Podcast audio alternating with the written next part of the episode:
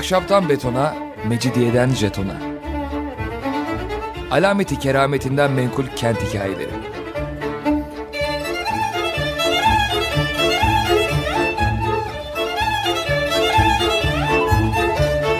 Hazırlayan ve sunan Pınar Erkan.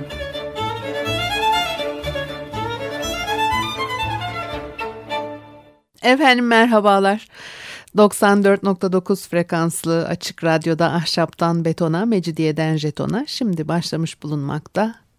Anlatıcınız ben Pınar Erkan. Elektronik posta adresimi söyleyeyim hemen pinarerkan.yahoo.co.uk bana ulaşmak isteyenler için bugün e, epey bir şey anlatacağım. Nasıl yetiştireceğim? Bugün size bir kentin yok oluş öyküsünü bir adamın tılsımlı masalını anlatacağım. Vakti zamanında iki kent bulundu kazılarda. Bunlar arkeolojinin ilk başladığı zamanlar.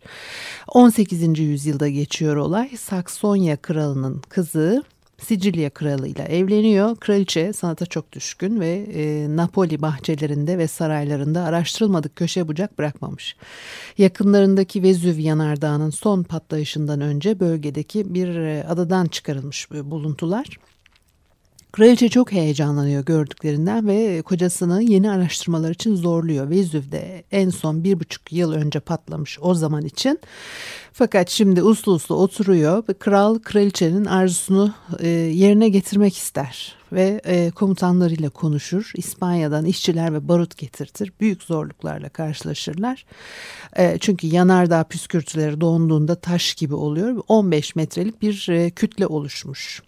Daha önceki kazıda kazılmış çukurlardan yola çıkarak galeriler açıyorlar, derin delikler kazıyorlar. İlk bulunan şeyler iri tunç atların üç parçası ve gerçek at boyutundan büyük bu parçalar. O zaman bir uzman getirtiyorlar. En önce yapılması gerekeni tabii e, sonradan yapmışlar. E, bundan sonraki araştırmalar bu uzman gözetiminde yapılıyor. 11 Aralık 1738'de bir yazıt buluyorlar. Üzerinde Rufus adında birinin Theatrum Herculaneans e, e, yani bir tiyatro binasını kendi parasıyla yaptırmış olduğu yazılı.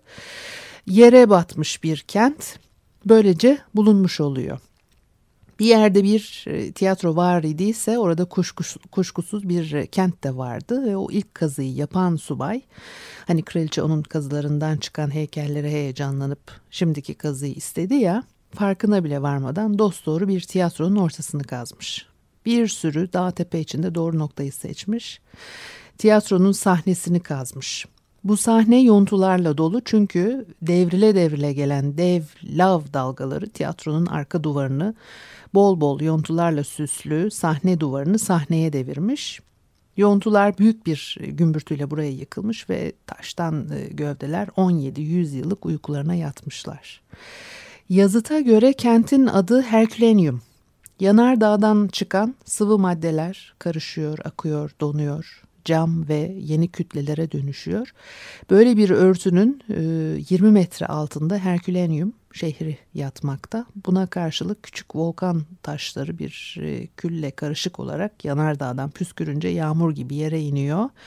Bu e, daha gevşek bir katman oluşturuyor. Daha hafif aletlerle kazılabilir.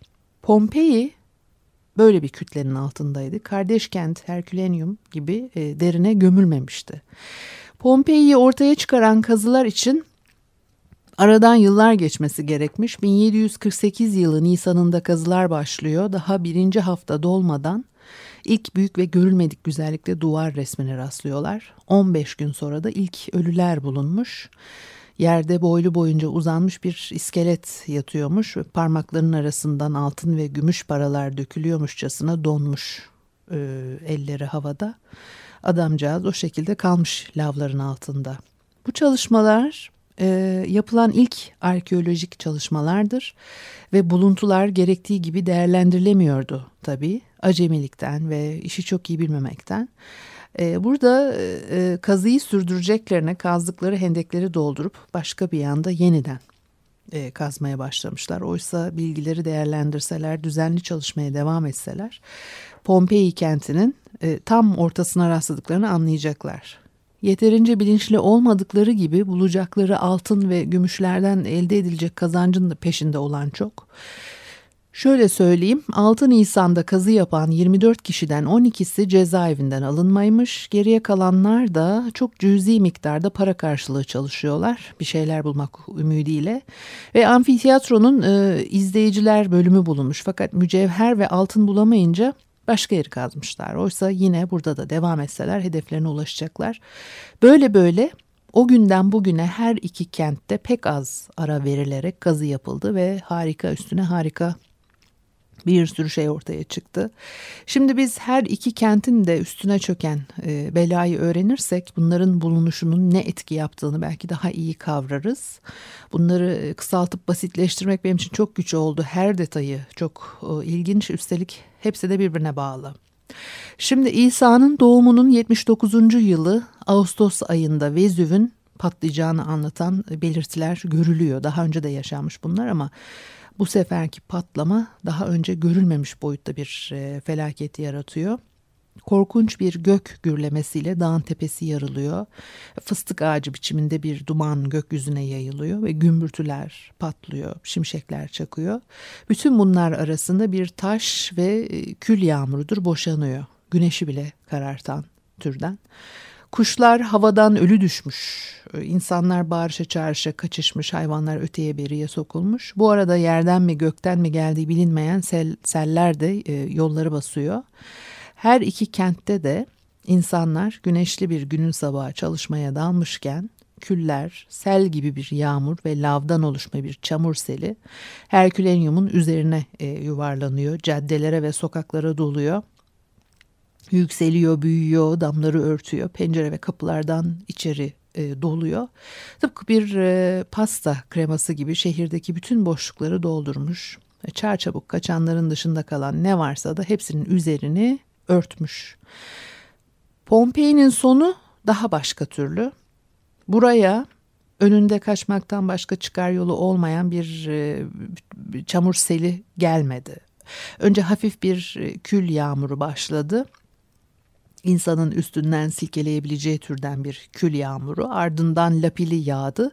Sonunda her biri birkaç kiloluk sünger taşı parçaları da araya karıştı. Tehlikenin büyüklüğü yavaş yavaş ortaya çıkıyor burada.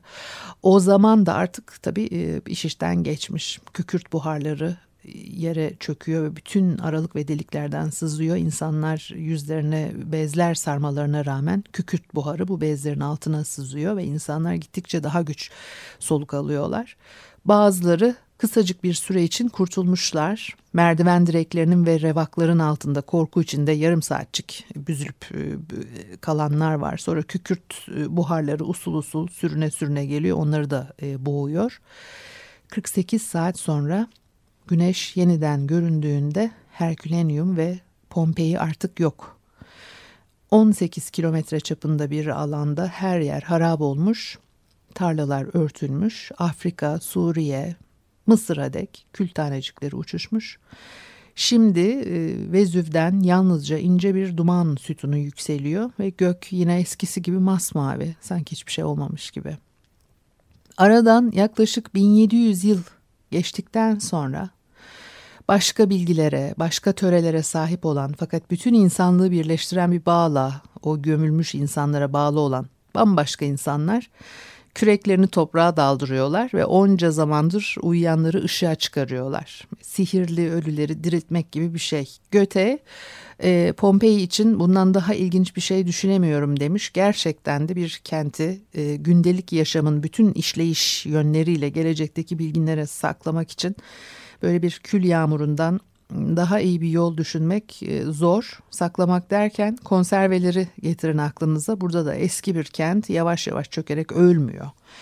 E, canlı kentlere e, bir büyücü değneği dokunmuş gibi her şey bir anda donuyor ve tıpkı Uyuyan Güzel Masalındaki saray halkı gibi 1700 yıl sonra birileri kazıyor ve o ne varsa o güne ait her şey olduğu gibi ortaya çıkıyor. İlk kazı yılına dek sadece e, bir zamanlar iki kentin gömülmüş olduğu biliniyordu ama şimdi yavaş yavaş e, bu dramatik olay anlaşılmaya başlandı. Çok korkunç bir e, felaket. Kazdıkça aile öyküleri, e, çaresizlik, ölüm arasında geçen dramlar ortaya çıkıyor. Ve e, Bulwer'in ünlü romanı Pompei'nin Son Günleri. Bu romanın son bölümünde anlatılanlar gerçek e, gerçeğe oldukça e, yakın sayılabilir. Çocukları kolları arasında annecikler bulunmuş. Son nefeslerine kadar çocuklarını korumaya uğraşmışlar ama boğulmaktan kurtulamamışlar. Hazinelerini toparlayıp kapıya kadar varabilmiş sonra da lapili yağmuru altında yığılıp kalmış erkekler ve kadınlar çıkarılmış. Bunlar hala son güçleriyle mücevherlerini altınlarını kavruyormuş gibi duruyorlar. İki genç kız kaçarken kapı eşiğinde duraksamışlar, yığılıp kalmışlar. Herkül kapısının önünde ölü üstüne ölüler bulunmuş. Bu kişiler taşımaya uğraştıkları eşyaların altında ezilmişler. Kül altında kalmış bir odada bir köpekle bir kadının iskeleti bulunmuş. Ee, az ötede bir cenaze töreni yarıda kalmış. Cenaze şölenine katılanlar yataklara uzanmışlar. Bu kendi cenaze törenini yapanlar 1700 yıl sonra da yine aynı şekilde bulundular. Bir odada hiçbir şeyden habersiz oynarken ölümün ansızın üzerlerine çullandığı yedi çocuk var. Kimi e, e, yani e, uzun uzun e, duraksayan kaçma şansını yitirmiş gerçekten. Herkül gibi bir adam bulmuşlar önünde koşan kadınla 14 yaşındaki kızını bile koruyamamış. Hep birden yere çöküvermişler ve küller onları örtmüş kalıbını almış. Araştırmacılar bu kalıba alçı döktüler ve bir insanın biçimini elde ettiler. Ölü bir Pompeyli'nin yontusunu genellikle insan e, e, figürleri bu şekilde ortaya çıktı. E, e, lavların oluşturduğu kalıpların içleri doldurularak. Ee, evler, tapınaklar, tiyatro hepsi içinde oturulduğu ve e, yaşandığı zamanki gibiydiler. Yazıcı dükkanında bal mumu tabletler, kitaplıkta papyrus tomarları, esnafın işliklerinde aletleri, hamamlarda taslar duruyormuş. Meyhanelerin masaları üzerinde kaplar, son müşterilerin aceleyle fırlattığı paralar varmış. Meyhane duvarlarında yanıp yıkılan beyitler, bu mutsuz aşkların e, yazıldığı çünkü bir kısmı okunuyordu bunların. Ve villaların duvarlarında freskler vardı ki bunlar çok güzel. Kazılar yapıldığında neler bulunduğuyla ilgili bir fikriniz oluştu herhalde oralara giderseniz bu e, tarihi alanında e, gezmeden e, geri gelmezsiniz. 18. yüzyılın insanı işte böyle bir bolluk karşısında bu kazılarla beraber ve Rönesans'ın ardından gelen bu çağda insanlar güzelliklere çok açıktı ve gerçeklere ulaşmak istiyorlardı. Yalnız hayranlıkla da yetinmek istemiyorlardı artık. Ve bu iki görüşü birleştirebilmek için eski çağın sanatına sevgi duyan, aynı zamanda bilimin yolunu bu işle birleştirecek bir adam lazım bize. Şimdi onun masalını anlatacağım size ama bir kısa ara verelim ondan sonra devam edelim.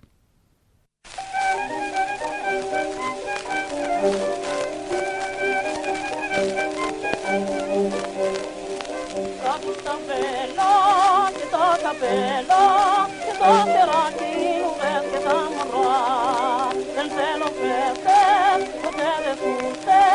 δεν με τον συγχωρδελείτε σαμαρά. Εγώ είμαι η νέα γυναίκα που θα τα πείσω και θα ψηφίσω. Άντε να μας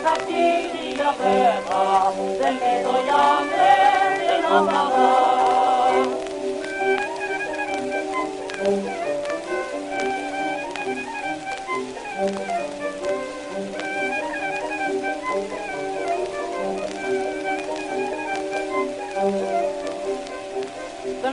δώρα, πια και δώρα, δεν είμαι πια παλιού καιρού νοικοκυρά. Με υποσχέθεις, τους τέτοια θέσεις, και γέμιζω με το παράμενη γενιά. Εγώ είμαι η νέα γυναίκα, που θα καπνίζω και θα ψηφίζω, απειρά μας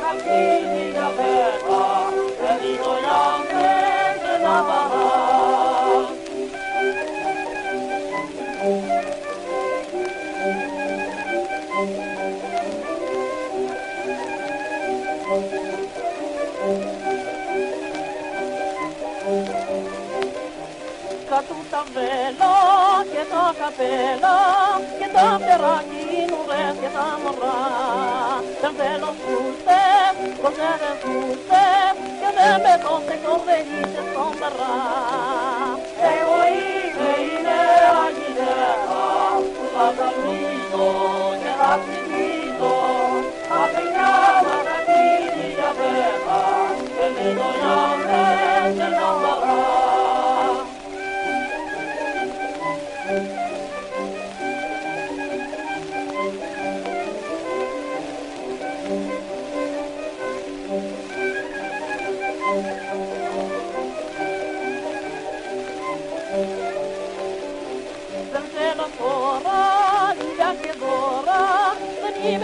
E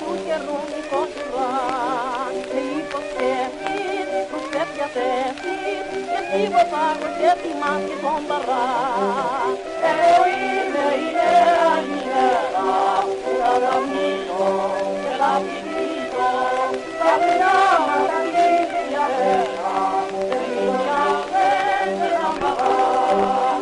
Efendim ahşaptan betona, mecidiyeden jetona devam ediyor. Ee, Pompei'nin ve Herkülenyum'un hikayesini anlattım. Şimdi de başka bir masal anlatacağım size.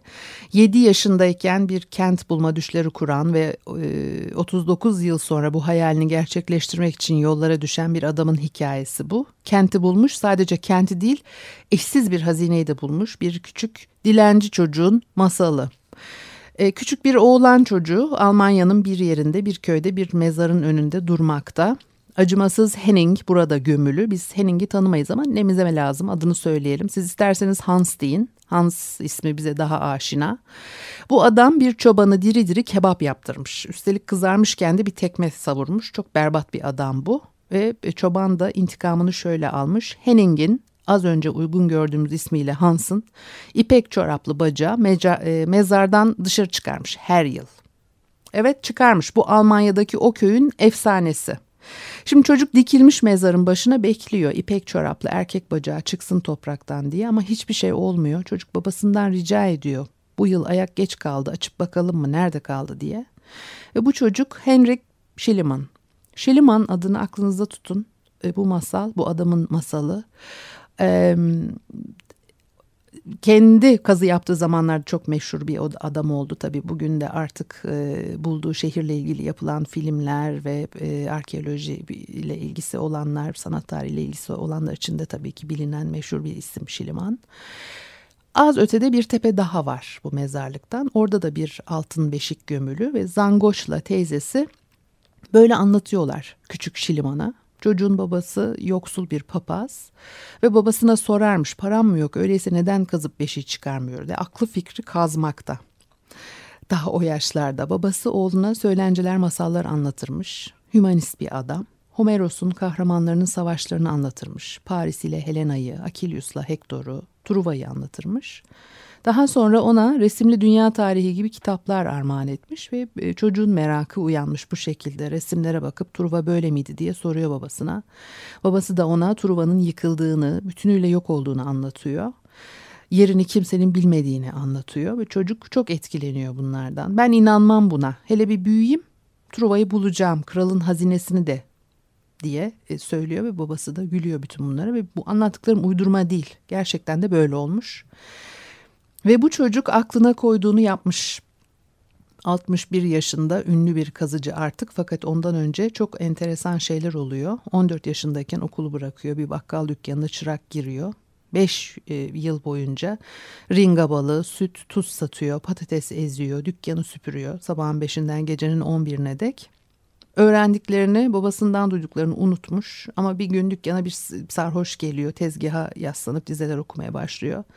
E, Şiliman mest olmuş tek bir sözcük bile anlayamıyormuş ama çok keyif almış gene de ve bunların e, Homeros'un İlyadası'ndan olduğunu öğrenince adama bir daha okusun diye de içki ısmarlamış.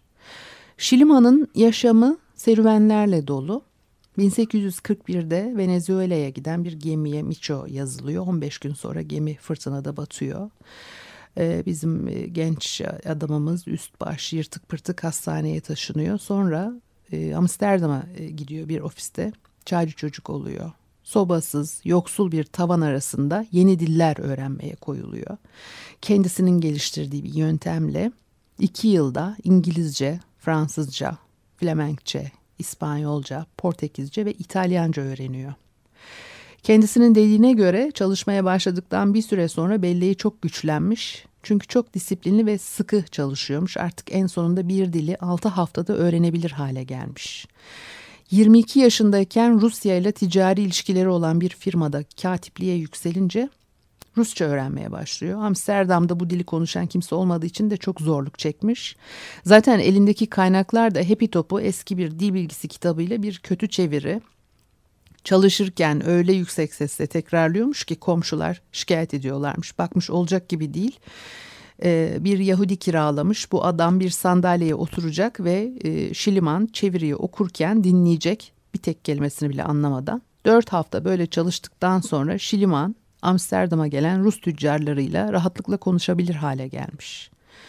Bilgilendikçe ticarette de başarılı olmaya başlamış. Yoksul papazın oğlu, bakkal çırağı, gemi kazazedesi, sekiz dil bilen bir e, ofis uça, e, uşağı, satıcı ve e, sonra baş döndüren bir yükselmeyle büyük bir tüccar ve bunların hepsi gerçek. 30 yaşındayken Amerika'ya gidiyor. Amerikan vatandaşı oluyor. Altın tutkusu onu da sarmış. Hani bir dönem Amerika'da herkes altın arıyordu. Altın alışveriş için bir banka kurmuş. Artık Cumhurbaşkanının kabul ettiği bir adam olmuş. Bütün bunları yaparken de çocukluk hayalini çıkarmamış aklından. Yazdığı mektuplarda görülüyor bunlar. Sonra 36 yaşındayken Yunanca öğrenmeye başlıyor. Şöyle söylüyor. Platon'u öyle derinliğine inceliyordum ki eğer 6 hafta sonra benden bir mektup alırsa kuşkusuz ne yazdığımı anlayacaktı. Şimdi bu adam Filistin, Suriye, Mısır gibi ülkeleri de görmüş. Seyahati sırasında dil öğrenmeye devam ediyor. Üstelik günlüklerinin e, bulunduğu ülkenin diliyle yazıyor. Bu adamın inanılmaz da bir talihi var.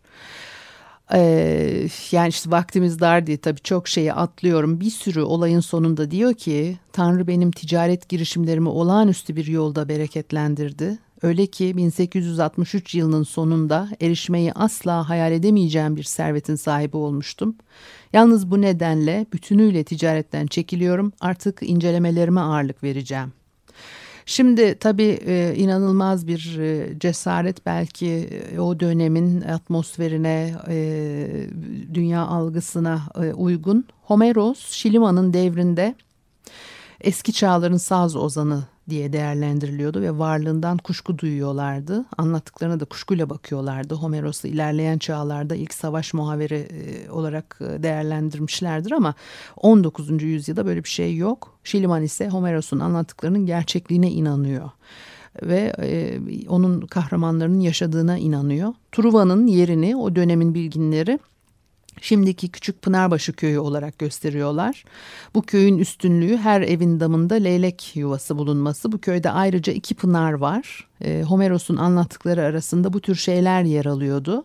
İki güzel fışkıran pınar vardı. Bunlardan iki dere Burgaçlı Skamandoros'a dökülüyordu. Birinden hep sıcak su akıyor ve altından yanan ateşin dumanı gibi buhar tütüyordu.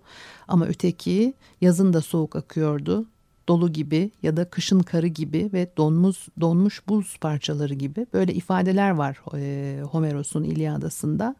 Şiliman e, Homeros'un anlattıklarını dikkatle inceliyor ve burasının e, Truva olamayacağı sonucuna varıyor. Örneğin 500 metrelik bir alanda Homeros'un dediği gibi iki değil tam 34 pınar saymış. Üstelik kılavuz ona yanlış saydığını 34 değil 40 tane pınar olduğunu o yüzden de buraya 40 gözlendiğini söylemiş. Bunun gibi verileri değerlendirerek Truva'nın burada olmadığı e, yolundaki kuşkusu güçlenmiş. Daha sonra Hisarlık denilen e, yere gidiyor. Yine ipuçlarını değerlendirerek Truva'nın burada olması gerektiğine kanaat getiriyor. 1870 yılında kazılar başlıyor ve emrinde 500 kişi var çalışan. Ee, Birçok bilim adamı ona deli diyorlar bu araştırmaları yüzünden. Kazdıkça yeni yerleşim yerleri ortaya çıkarmıştır. Tepesi soğan gibi soyulmuş e, e, yerler ve katların her birinde başka çağların insanları yaşamış bir uygarlık ötekinin yerine geçmiş. Toplam 9 kent bulmuş Şiliman ve adamları. Ama bunlardan hangisinin Truva olduğunu çıkaramıyorlar. En alttaki katman tarih öncesinden kalma. Öyle ki burada yaşayanlar daha maden kullanmayı dahi bilmiyorlarmış. 15 Haziran 1875'te sonuncu kazıya girişiyor. Sıcak bir günün sabahı Şiliman karısıyla birlikte kazıları gözden geçiriyor. Artık önemli bir şeyin çıkmasını beklemiyor ama gene de uyanık. Ee, 28 metre derinlikteler ve birden karısının kolunu tutmuş altın diye. Hemen işçileri evlerine yolluyorlar. Şiliman'ın eline aldığı bıçakla çalışmaya başlıyorlar. Üstelik yüksek bir kale duvarının dibindeler. Yani bir e, risk var, yıkılma riski. Karısının tuttuğu şala paha biçilmez hazineyi dolduruyor ve karanlık eski çağın en güçlü yöneticilerinden birinin altınları tanrı gibi uzak insanların süsleri 3000 yıldır gömülü oldukları yerden çıkarılmış. 7 devletin yıkıntıları arasından 3000 yıl sonra gün ışığına, e, gün ışığına çıkıyorlar. Karı koca hazineyi hırsızlar gibi ürküntü içinde tahta bir kulübeye götürmüşler. Bir tahta masanın üstüne yığmışlar. Taçlar, tokalar, zincirler. Şiliman bir çift küfe, e, küpeyle gerdanlığı alıp karısına takmış. 20 yaşında bir Yunanlı kadın için 3000 yıllık mücevherler. Şimdi bu adamı bir hırsız olarak değerlendirebilir miyiz? O devirde Türkiye'nin yasaları istenen yöne çekilebilecek şekilde herkes keyfine göre at koşturuyormuş böyle başka bir örnek var. Şiliman'dan 70 yıl önce Lord Elgin aynı şekilde davranmış. Atina'nın Osmanlı'ya dahil olduğu zamanlar Lord Elgin'e bir ferman çıkarmışlar. Üzerinde yazı ya da resim bulunan birkaç taşı Akropolis'ten çıkarmasına kimse engel olmasın yazılı bir ferman. Adam bunu oldukça cömert yorumlamış. Partenon'un süsleriyle dolu 200 sandığı Londra'ya yollamış. Yunan sanatının eşsiz parçalarındandı bunlar. Davası sonradan yıllarca sürer. Bunları ele geçirmek Lord Elgin'e 74.240 İngiliz lirasına mal olmuş. 1816'da parlamento kararıyla da bu koleksiyon satın alınıyor. Lord Elgin'e 35 bin İngiliz lirası ödemişler. Adamın masrafının yarısı bile değil. Ama Şiliman bir hayalin peşinden koşmuş. Paranın değil, hayalinin peşinden koşmuş ve tutmuş onu. Bu hafta da bu kadarmış. Bana ulaşmak isteyenlere elektronik posta adresimi söylüyorum. Yeniden pinarerkan.yahoo.co.uk Hoşçakalın.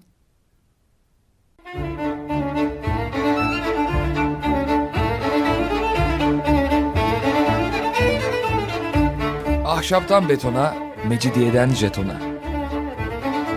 Alameti kerametinden menkul kent hikayeleri.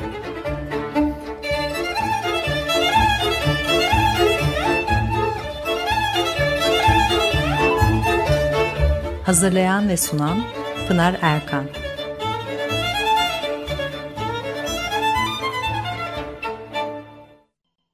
Açık Radyo program destekçisi olun. Bir veya daha fazla programa destek olmak için 212 alan koduyla 343 41 41